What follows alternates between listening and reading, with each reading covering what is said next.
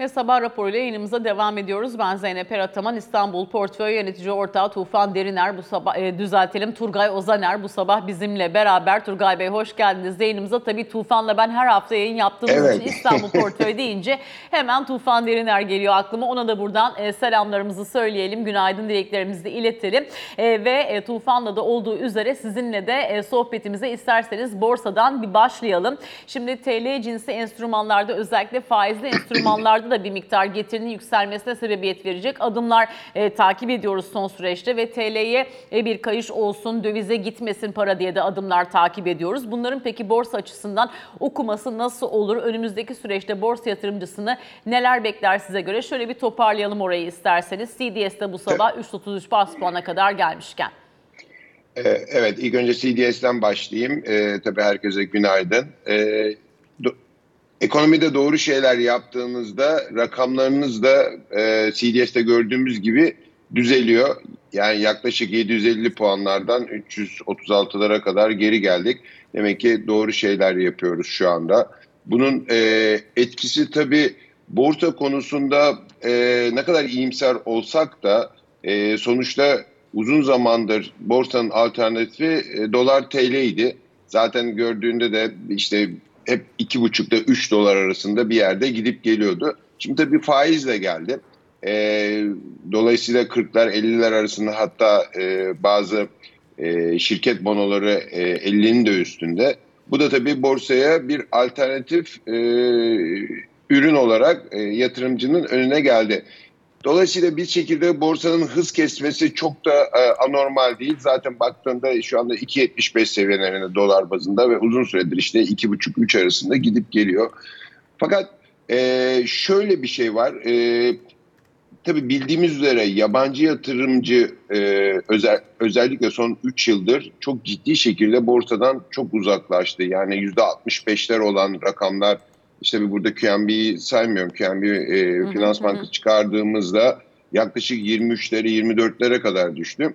Fakat tabii ki doğru ekonomik politikalar yabancının borsaya olan hisse senetlerine olan özellikle ucuz kalmış ve uzun zamandır e, baskı altında kalan hisselere bu genelde İMKB 30 hisseleri zaten e, bir ilgisi olduğunu görüyoruz. Bu bir kısmı bence Orta Doğu'dan geliyor. Bir kısmı son zamanlarda e, Londra üstünden geliyor. E, batılı fonların ilgisi var ama yani bizim o zamanında e, gördüğümüz rakamlardan çok uzaktalar.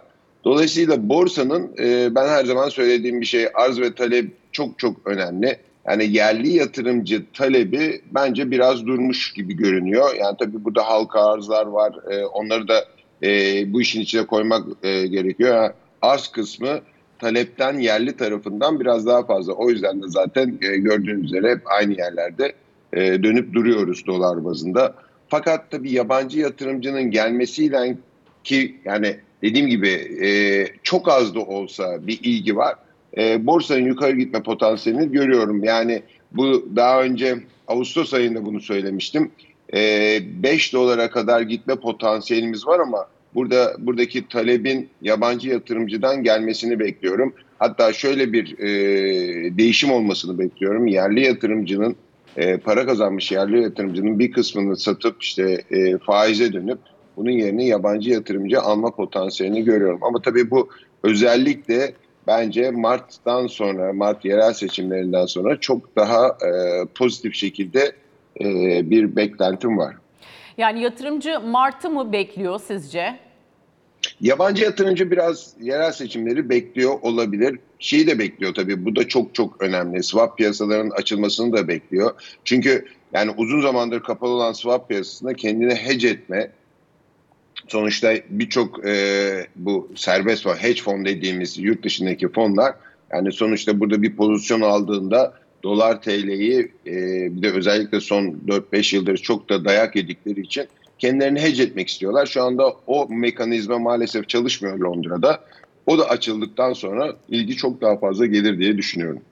Şimdi orada da zaten swap piyasasıyla da faizlerin yakın sadına işaret eden haberler var ve son dönemde bir de tabii carry trade. Acaba TL tekrar carry trade temasına geri mi dönüyor? Bununla ilgili işte yavaş yavaş e, fon yöneticileri tozlanmış defterleri tekrar açarlar mı diye başlıklar atılıyor dış basında. E, bu tarafı nasıl görüyorsunuz diye de merak ediyorum aslında e, Turgay Bey. Bir carry trade e, işlemine konu olması tekrar TL'nin e, yatırımcı için ne anlam ifade eder? Bir de tabii carry trade ile ilgili tavsiyeler son dönemde geliyor ama yıl sonuna çok yakın geldi. O yüzden acaba carry trade'e her fon ne kadar fon ayırmıştır ki ne kadar etkisini görürüz tartışmaları da devam ediyor. Sizin tecrübeniz bize neler söyler? Ben e, tabii yıl sonu bittiği için e, özellikle yurt dışındaki fonların çoğu e, pozisyonlarını kapayıp yeni yıla e, kadar biraz tatil moduna girerler. Dolayısıyla senin söylediğin gibi bu ilginin 2024'ün Ocak ayından itibaren e, başlayacağını düşünüyorum. Çünkü e, aynı zamanda Merkez Bankası'nın da işte faiz eğer çok büyük bir e, ters bir şey olmazsa faiz e, arttırımını işte bu Aralık'taki toplantıdan sonra durduracağını düşünüyorum. Dolayısıyla burada e, özellikle 2024 yılı TL varlıklarına yani o kaçan e, çok ciddi miktarda kaçan yabancı yatırımcının TL varlıklarına ilgisi olacağını düşünüyorum. Şimdi zaten en son burada nerede ilgi olacak? İlk, ilk önce 10 yıllık bonolarda olacak. E, bu geçen e, Kasım ayında pardon Ekim sonunda olan e, bonoya bir ilgi vardı. Bence önümüzdeki dönem e, yapılacak bu Aralık'ta yapılacak 10 yıllık bono ihalesinde ben çok ciddi bir talep geleceğini ve çok e, iyi bir faizden borçlanılacağını düşünüyorum. Ve o işten de yabancının bir para kazanma ümidi olduğunu düşünüyorum. Dolayısıyla bunlar şunu gösteriyor. 2024'te evet o raporlara ben de inanıyorum ve e, o raporları destekliyorum. Zaten biz hatırlarsan hem Tufan hem ben e, Ağustos ayından Temmuz sonundan itibaren TL varlıklarının e, artık yani dolar TL'nin TL varlıklarının daha öne çıkması gerektiğini düşünüyorduk. Hala bu tezimizi koruyoruz. Özellikle de e, Mart ayından sonra hatta Mayıs ayında maksimum enflasyonu gördükten sonra TL varlıklarının çok daha iyi olacağını düşünüyoruz. Dolayısıyla bunda bir süreç bu pozisyonu almak özellikle yabancılar için çünkü unutmayın yaklaşık 30-40 milyar dolarlık bir hem buna hisse senedi hem işte e, euro olsun hem TL bonolar olsun çok ciddi bir çıkış olmuştu. Bunun hızlı bir şekilde bir anda geri gelmesi zaten mümkün değil ve öyle de bir zaten arz yok. Dolayısıyla bizim takip etmemiz, yatırımcının takip etmesi gereken şey 10 yıllık bonolara ne kadar yabancı talebinin gelip orada e, ne kadar pozisyon almaya başladıkları. İlk önce böyle başlar. Daha sonra işte 2 yıllıklara gelirler. Daha sonra swap piyasaları içinde hisse senedine gelirler. Bu böyle bir e, sıradır ama unutmamak lazım. İlk önce bono piyasasında e, kendilerini göstereceklerdir. Hem çünkü girip çıkması daha kolay olduğu için daha büyük montanlı pozisyon alabildikleri için. Bak carry trade'den de özellikle monolarla e, bir para kazanacaklarını düşünüyorum. Yani e, geçen gün bir rapor vardı. Dediğim gibi o tozlanmış raflardan indirilen 2024 Türkiye'de işte TL varlıklarının yılı olabilir. Eğer ciddi bir yol kazası yapmazsak e, ben 2024'te TL varlıklarının çok iyi olacağını düşünüyorum. Şimdi e, bu esnada tabii bir de S&P'den not görünümüne ilişkin takvim dışı bir iyileştirme geldi. E, onu da isterseniz e, konuşalım. Bundan sonrası için de yine cari dengeyi takip edeceğiz diyorlar. Net rezervlere bakacağız diyorlar ve Türkiye Cumhuriyet Merkez Bankası için faiz indiriminden bahsetmek için çok erken olduğunu da yine sözlerine ekliyorlar. E, bu noktalardan yola çıkacak olursak öncelikle hani yabancı tarafında yine özellikle tabii yatırım yapılabilir 4-5 basamak altındayız ama iyileştirmeler önümüzdeki süreçte sizce e, devam edecek edecek midir onu da sormak istiyorum e, Turgay Bey. E, bir de tabii e, S&P'nin de ortaya koyduğu üzere faiz indirimleri için çok erken notu var. Siz de az önce Aralık'ta son bir faiz artışı yaparak sonra durur demiştiniz. Bu anlamda merkezden nasıl bir patika bekliyorsunuz İstanbul portföyde onu da sorayım size. Ben bir süre ben katılıyorum bir süre işte Mayıs ayı galiba. Mayıs ayındaki enflasyondan sonra zaten enflasyon en yüksek seviyeye çıkacak. Ondan sonra da hızlı bir şekilde tabii bu e, e, hızlı bir şekilde geri gelecek. Ama ben enflasyonun Türkiye'de, bunu aynı şeyi dünya içinde söylüyorum gerçi, enflasyonun çok hızlı bir şekilde e, aşağılara gelmesini beklemiyorum. Yani bir yerde gelecek tabii ki ondan sonra da e, bir süre oralarda oturacağını, 30'lu seviyelerde oturacağını düşünüyorum. işte e, faiz indiriminin de ondan dolayı çok hızlı olmayacağını düşünüyorum. Dolayısıyla 2024'ün belki son çeyreğinde e, eğer enflasyonda bu beklediğimiz ve Merkez Bankası'nın beklediği rakamlara yaklaşırsak belki 2024'ün son çeyreğinde bir faiz indirimi olabilir. Ama ben buraya daha 2024'ün son çeyreğine daha çok var. Biliyorsun Türkiye'de her şey çok hızlı bir şekilde oluyor. Sadece Türkiye ile ilgili değil. Özellikle hem jeopolitik olarak bizim bölgemiz hem dünyadaki faiz ortamı bunlar da çok etkiliyor. Artık normalleşiyoruz. Dolayısıyla dünyadaki olan olaylar bizi pozitif veya negatif de etkileyecek. Dolayısıyla ben e, şöyle düşünüyorum. E, Mayıs ayından itibaren yani herkesin bir faiz indirim süreci e, bekliyor ama bence bunun olmaması lazım ki enflasyonun gerçekten kalıcı bir şekilde aşağıya e, inebilmesi için e, Merkez Bankası'nın çok hızlı hareket etmemesi lazım. Bence onlar da öyle yapacağını düşünüyorum. E, tabii burada da e, bekleyip göreceğiz. Sonuçta ekonomi 2024'te e, faizin artışından dolayı bir şekilde yavaşlayacaktır. Bunu e, hükümetin nasıl karşılayacağını da bilmiyorum. Şimdi bunlar ciddi bir dengeler yani son 6 ay öncesine kadar bambaşka şeyler konuşuyorduk. Dolayısıyla onu beklemek lazım. Mayıs'tan sonra değil belki son çeyrekte bir faiz indiriminden e, bahsedebiliriz. E, dolayısıyla 2024'te TL varlıklarının e, başarısı belki de faiz indiriminin biraz geriye çekilmesine neden olabilir. Dolayısıyla e, 2024'te bunları biraz beklememiz ve görmemiz lazım. Doğru doğru ekonomik politikalarının aynı şekilde devam etmesi lazım. Bence en önemli şey en en önemlisi bu. Yani bu CDS'in 250'lere gelmeme, gelmemesi e, işlem bile değil doğru ekonomik politikalarla. S&P kısmına gelirsek ben her zaman S&P bizim notumuzu düşürürken de aynı şeyi söylüyordum. Şimdi çıkarırken de aynı şeyi söyleyeceğim. Yani biz yatırım yapılabilir bir seviyede olmadığımız için bu notların düşmesi veya çıkması çok fazla gerçekten ekonomik olarak çok fazla etkilemiyor. Ama neye etkiliyor? Psikolojiye etkiliyor. Ee, bundan sonra demek ki doğru şeyler yapıldığını yabancı yatırımcı açısından doğru şeyler yapıldığını S&P'nin bu e, normal olmayan e, toplantısından göreceğiz. Dolayısıyla e, aynı şeyi ben Moody's'ten de bekliyorum. Dolayısıyla doğru şeyler yapıldıkça önümüzdeki dönem S&P'nin not arttırımı sadece görünüm değiştirmişti yanlış hatırlamıyorsam evet. değil mi? Evet. E, e, not arttırımında olma ihtimalini görüyorum. Yani çünkü bu söyledikleri zaten bugünkü ekonomik e, ekonomi kurmaylarının, ekonomiyi yöneten insanların en ön, en önde gelen e, problemleri. E, dolayısıyla bunları çözmeye çalışıyorlar. Bunları çözdükçe e, o not arttırımları gelecektir. Ama tabii ki yatırım yapılabilir seviyeden bayağı uzağız. İnşallah da onu eğer bu ekonomik politikalar doğru işlerse ve doğru uygulanırsa e, belki iki sene sonra, iki üç sene sonra belki o seviyelere tekrar geliriz diye düşünüyorum. Ama daha önümüzde çok uzun uzun yollar var. Turgay Ozaner, İstanbul Portföy Yönetici Ortağı çok teşekkür ederiz. Bu sabah bize ayırdığınız değerli zamanınız için, paylaştığınız değerli görüşleriniz için. Kısa bir reklam arası veriyoruz efendim. Ardından Bloomberg KT Genel Müdürü Ali Can Türkoğlu ile birlikte özel bir röportajla karşınızda olacağız.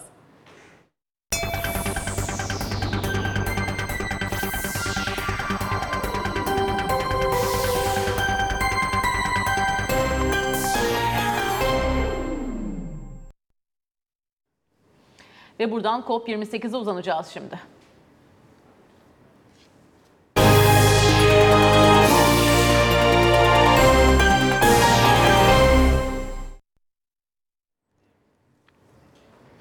Ve bu sabah özel bir röportajda karşınızda olacağız demişti. Kıvanç Zaimler bizimle beraber bu sabah hem Enerji CEO'su hem de Sabancı Holding Enerji Grubu Başkanı. Ee, Kıvanç Bey hoş geldiniz yayınımıza Günaydın. diyelim. Ee, Ali Can Türkoğlu da e, bizimle birlikte e, bu sabah COP28'desiniz. O yüzden öncelikle oradan Zeynep isterseniz girizgahımızı yapalım. Ee, bu sene e, orada konuşulan hedefler, geçen sene orada konuşulan hedefler, şöyle bir genel toplayacak olursak geçen seneden devreden başlıklar size göre e, ne kadar yol kat etti ve bu sene verilen sözler acaba tutulabilecek mi? E, konuyla ilgili Bill Gates gibi isimler ihtimaller her gün düşüyor diyor ama o kadar karamsar olmaya gerek var mı? Ne dersiniz?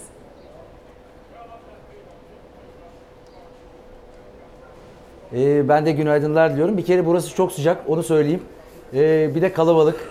e, çok büyük bir ortamda bu Expo City e, Dubai'de 70 bin üzerinde bir katılımcı var e, Dubai'de E, ve bütün devlet temsilcileri, e, iş dünyası, finans dünyası, akademi ve hatta şimdi arkada da aktivistler var. E, burada e, geçen senenin devamı olarak en önemli konulardan bir tanesi bu kayıp zarar fonuydu. Bu iklim tazminatıydı. E, gelişmekte olan ülkelere gelişmiş ülkeler tarafından ayrılacak fon 100 milyar dolar gibi bir beklenti vardı. Fakat ortaya çıkan rakam 600 milyon dolarlar seviyesinde kaldı. Bu beklentinin e, çok altında bir rakam. E, buraya baktığınızda gerçekten büyük bir ortam. Hub'lar var, değişik değişik merkezler var. E, bunlardan bir tanesi iklim değişikliği merkezi, bir tanesi iklim finansmanı, e, inovasyon ve teknoloji e, merkezi, bilgi merkezi, işte cinsiyet merkezi gibi büyük e, hub'larda şirketlerden, iş dünyasından da çok geniş katılım var. Bizde Sabancı Holding, e, Sabancı topluluğunun şirketleri Enerjisa Enerji, Enerjisa Üretim, e, Çimsa, Temsa ve hatta enerji sektöründen e, STK'mız Elder olarak buraya katıldık. Takip ettiğimiz en önemli konular tabii genellikle enerji dönüşümü, iklim değişikliği ve teknoloji üzerinde oluyor. E, burada açıklanan e, bir taahhüt var. Esasında 118 ülkenin verdiği bir taahhüt var. Yenilenebilir enerji kapasitesini 2030 yılına kadar 3 misline çıkartmak. Yani dünya çapında baktığımız zaman 11 terawattlık bir büyüklük. E, bununla beraber yine verimlilik hedeflerinde, verimlilikteki iyileşme yüzdelerinde 2 misline çıkartmak yönünde bir taahhüt var. Ama buradaki genel kanı şu. 1,5 derecelik bir ısınma hedefi vardı ki biz bunun 1,2 derecesini zaten bugüne kadar yemiştik. Bugüne kadar bir değişiklik yapmazsa dünyanın sıcaklığı 2050 yılına kadar 2,5 hatta 3 dereceler seviyesinde ısınacak bir yol haritası e, gözüküyor. Dolayısıyla burada ülkelerin daha fazla inisiyatif, daha fazla aksiyon almaları gerektiğini düşünüyorum. Peki Cumhurbaşkanı Erdoğan da katıldı bu sene e, zirveye Kıvanç Bey. Bu noktada hem Türkiye'nin COP üzerindeki hem de COP'un Türkiye üzerindeki etkilerini de değerlendirmenizi istesek.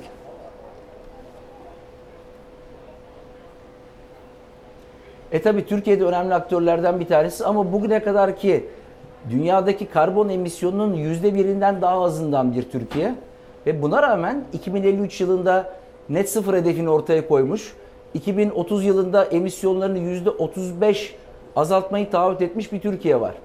Ve Türkiye'de de bu yenilenebilir enerji dönüşümü en önemli konulardan bir tanesi. Avrupa'nın en büyük 5. 5. dünyanın 12. en büyük yenilenebilir enerji kapasitesine sahibiz. Ama Türkiye'nin büyümesi ve nüfusuyla, büyüklüğüyle beraber esasında çok daha fazla büyüme potansiyeli de var. 2015'ten bugüne baktığımız zaman sadece rüzgarda ve güneşte kapasitemizi 4 misli şekilde arttırmışız. Ve önümüzdeki ulusal eylem planı da bugünkü yaklaşık 21 bin megawatt dediğimiz rüzgar ve güneş toplamının 51 bin megawata çıkması gibi önemli bir hedefimiz var. Ve Türkiye'nin bunun daha fazla da yapma potansiyeli olduğunu düşünüyoruz. Burada tabii Alican Bey önemli olan konu enerjiyi hem daha temiz hem daha ucuza mal ederken bu enerjiyi de nerede kullandığımız. Yani özellikle sanayide Türkiye'nin ekonomik kalkınma e, modeline baktığımızda orada da önemli iyileştirme ve verimlilik alanları var. Yani kullandığımız enerjiyle daha fazla katma değer yaratmak, gayri safi hasılaya daha fazla katkıda bulunacak sektörlerde ki bu sektörler daha çok teknoloji, yenilikçilik, yeni ekonominin gerektirdiklerini e, gereken konular. Yani Türkiye yenilenebilir enerji dönüşümü ve özellikle verimlilik konularında üzerine düşeni yapıyor. İşte onun üzerine de bu ekonomik kalkınma modelinde de enerji yoğunluğunu düşürecek, daha yüksek gayri safi yurt içi alacak aksiyonları yapması lazım. Şimdi Kıvanç Bey e, hem e, Sabancı grubunu hem de aynı zamanda Elder'i temsilen orada olduğunuzu az önce siz de altını çizerek ifade ettiniz. O yüzden iki boyutuyla da aslında sormak isterim size. İklim ile ilgili orada ortaya konan hedefler doğrultusunda hem e, Sabancı grubunda enerji sektörü tarafında hem de Elder'de hangi adımları atıyorsunuz, neler hedefliyorsunuz? Buradaki ilerleme, patika nasıl işleyecek?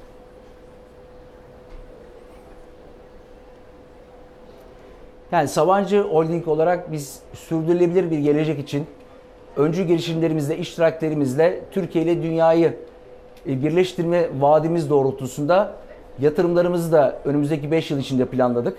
E, sorumlu yatırım politikalarımız doğrultusunda esasında yatırımlarımızı iki misline çıkarırken bu yatırımlarımızı da çok büyük çoğunluğu, dörtte üçünden fazlası yeni ekonomi alanlarında olacak. Özellikle enerji ve iklim teknolojileri, ileri malzeme teknolojileri ve dijital alanlarda. E, tabii ki dekarbonizasyonla ilgili olarak da 2050 ile ilgili net sıfır hedefimizi verdik ve bu hedefi de bir buçuk derecelik yol haritasına uygun şekilde vermiş durumdayız. Ve aynı zamanda inovasyonu, verimliliği ve veri kullanımında yaygınlaştırmaya çalışıyoruz. Bu kapsamda enerji e, tabii önemli bir rol oynuyor. Yenilenebilir enerji kaynaklarını hem üretirken tükettiğimiz alanlarda da yenilenebilir enerji kaynaklarını kullanmak, elektriğin dağıtımında şebekenin verimli olmasını, elektrik e, e-mobilite dönüşümünü, verimlilik gibi esasında e, bugün kapsam 1, kapsam 2 dediğimiz alanlarda iyileştirmeleri sağlarken kapsam 3 dediğimiz esasında tedarikçilerimizle ilgili yani tedarik ettiğimiz ürünlerin, hizmetlerin yarattığı karbon ayak izini de azaltmak için kapsam 3'te de sorumlu tedarik yönetimi yapıyoruz. E, çok kısa enerji şirketlerinden de bahsedeyim izin verirseniz. E, Enerjisa Üretim bugün Türkiye'nin en büyük e, üretim ve özellikle yenilenebilir e, üretim e, portföyüne sahip 5000 megawata özellikle rüzgarla ve güneşle giden bir e, yatırım hamlesi içinde. Tabii enerji üretimi sadece bir üretim şirketi olarak görmemek lazım. Aynı zamanda bir ticaret şirketi. Bugün emtia ticaretinde Enerjisa Commodities Avrupa'da ve global bazda elektrik, doğalgaz ve karbon ticareti yapıyor. Yani bu açıdan da önemli bir açılım. Ama aynı zamanda Enerjisa Üretim bir teknoloji şirketi. Kendi içinde Senkron markasıyla kendi yetkinliklerini bugün ticarileştirmek konusunda aksiyonlar içinde. Evvelsi gün burada enerji üretimi generatif AI ile geliştirdiği, siber güvenlik ve diğer teknolojilerle birleştiği bir ürünü, ürünü Generatif AI Pack diye bir ürünü Microsoft'la daha da geliştirip dünyaya pazarlamak konusunda enerji üretim bir aksiyon aldı. E, aynı zamanda hidrojen ve karbon yakalamak üzerinde çalışıyor. Bununla beraber bizim Sabancı Holding olarak Amerika'da kurduğumuz bir iştirakimiz var. Sabancı İklim Teknolojileri diye. E, bunun altında bir Climate Venture dediğimiz e, yeni teknolojilere bu disruptif dediğimiz daha işte yıkıcı teknolojilere erken aşamada girerek geleceğe e, şimdiden hazırlanmak, e, bunların ticarileşmesi aşamasında hem Amerika ile işte Türkiye ile bunları birleştirmek bizim coğrafyamıza bu teknolojiyi önceden getirmek gibi bir hedefimiz var. Bu kapsamda işte füzyon, e, derin e, jeotermallere ulaşmak gibi konularda e, aksiyonlar içindeyiz. Dağıtım, perakende ve müşteri çözümleri faaliyetleri götürdüğümüz bir de Enerjisa Enerji diye bir şirketimiz var. Dağıtım ve perakende bilinse de müşteri çözümleri bugün çok daha fazla yenilenebilir enerjinin dağıtık olarak yani müşterilerin testlerinde daha farklı yerlerde yapılmasını sağlıyor. Verimlilikle ilgili aksiyonlarımız var. Yine e-mobilite alanında elektrikli şarj istasyonlarının yayılımı konusunda.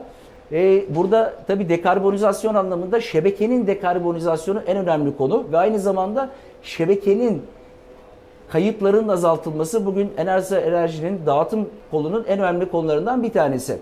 Dolayısıyla enerji enerji de tedarikçilerinde de en önemli tedarikçilerinde de dekarbonizasyon konusunda üç, işte kapsam 3 dediğimiz alanda faaliyetlerini e, yürütüyor. E, bu hedeflerini her iki şirketimizde 2050'ye uyumlu şekilde yol haritalarını yine bilime uygun şekilde o bir buçuk hedefini tutacak yol haritasında belirlemiş durumdalar. Esasında adil bir dönüşüme uygun şekilde. Enerji Enerji'nin tabi faaliyetlerinde dağıtım sektörü de var. Dağıtım sektöründe çatı şirketi Elder. Esasında bu çok güzel bir şey. E, Türkiye'den birçok katılımcı var. Enerji sektöründe herhalde e, gözetmen olarak, gözlemci olarak e, katılan e, tek STK diyebilirim. E, Elder bu dönüşümde bu dönüşümün kolaylaştırıcısı olmak, e, karbonsuz bir tedarik sağlamak, şebekedeki kayıpları azaltmak üzere olan gelişmeleri takip ediyor. Tabi Türkiye'de de dağıtım sektöründe 2026 yılında yeni bir döneme gireceğiz. Ve bu dönemde e, artık şebekelerin de yani daha fazla yenilenebilir enerji şebekelerde de iletim hatlarında da değişiklikler gerektiriyor. Yani dolayısıyla bu dönüşümü A'dan Z'ye her yerde yaşarken tüketiciye en yakın nokta olan dağıtım sektöründe de bu dönüşümün içinde olmamız lazım.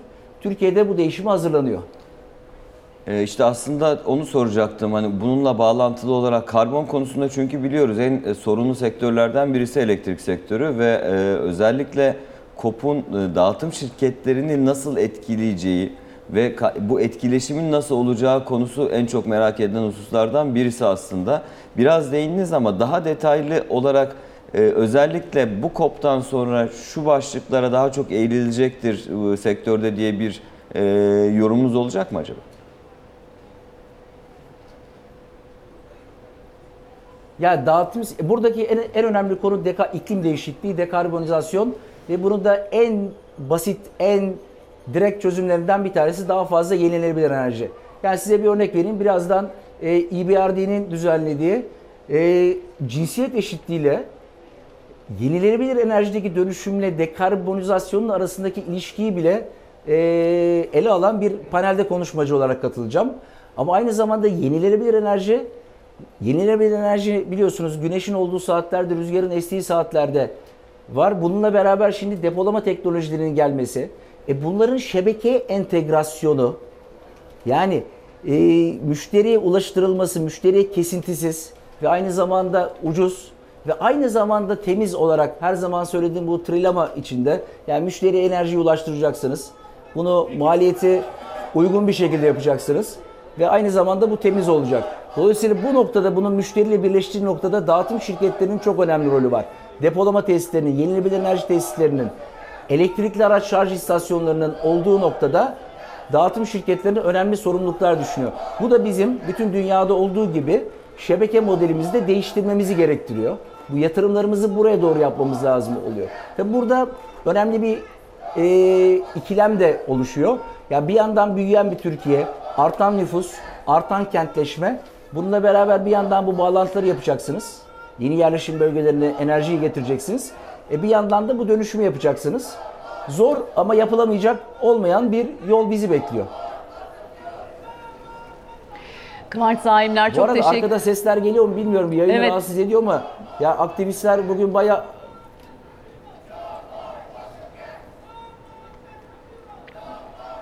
Evet e, Kıvanç Bey sizin de söylediğiniz Peki, gibi yayına başlarken de aramızda siz de... zaman farkı var galiba. Evet var Kusura biraz bakmayın. fark. Var biraz fark. Siz de söyler, söylemiştiniz yayına girerken arkamda e, protestocular, aktivistler var bugün diye. Gerçekten son cevabınızın bir kısmında e, biz de duyduk. İşte Kıvanç Bey'in söylediği aktivistler herhalde bunlardı diye aklımızdan geçirdik. E, çok teşekkür ederiz bu yoğun ajandada bize bu sabah zaman ayırdığınız için. Kıvanç Saimler, Sabancı Holding Enerji Grup Başkanı bu sabah bizimle beraberdi. COP28'in böylelikle bir miktar nabzını tutma şansı yakaladık.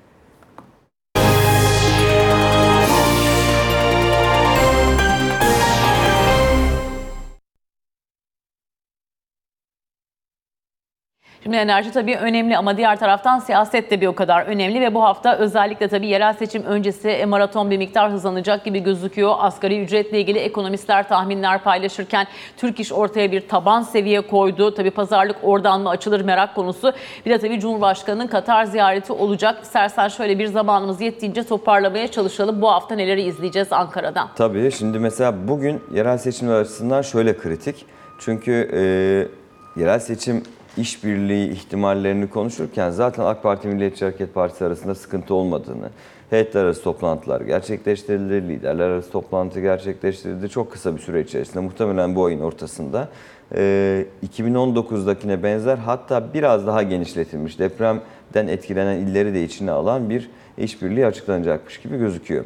Ama merak edilen ve şu anda e, soru işareti bulunan husus Cumhuriyet Halk Partisi ile İyi Parti arasında bir işbirliği olup olmayacağı konusuydu. Burada da özellikle CHP'deki genel başkan değişimi, yönetim değişimi sonrası acaba partiler birbirlerine yaklaşır mı diye daha çok sorulmaya başlandı. Şimdi her ne kadar İyi Parti geçtiğimiz haftalarda 81 ilde kendi başımıza seçimize, seçime gireceğiz demiş olsa bile geçen hafta içinde yapılan Özgür Özel Meral Akşener görüşmesi sonrasında e, Sayın Akşener konunun e, yetkili kurullar tarafından e, değerlendirileceğini, oradan çıkacak karara göre hareket edeceklerini söylemişti. Şimdi bugün işte o toplantı günü.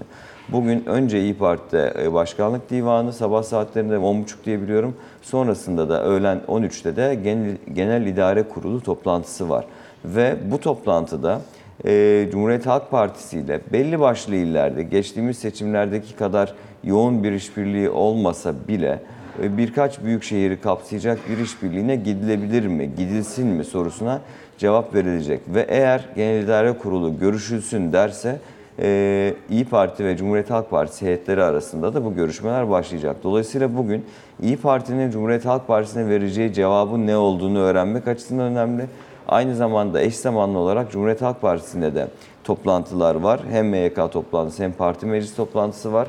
Hem gelecek karar yani İyi Parti'den gelecek karar değerlendirilecek. Olumluysa ne yapılacağı, olumsuzsa nasıl bir yol haritası izleneceğine ilişkin karar verilecek. Dolayısıyla bugün siyasette özellikle muhalefet tarafındaki işbirliği sorularının cevaplarını bulmak için önemli gibi gözüküyor.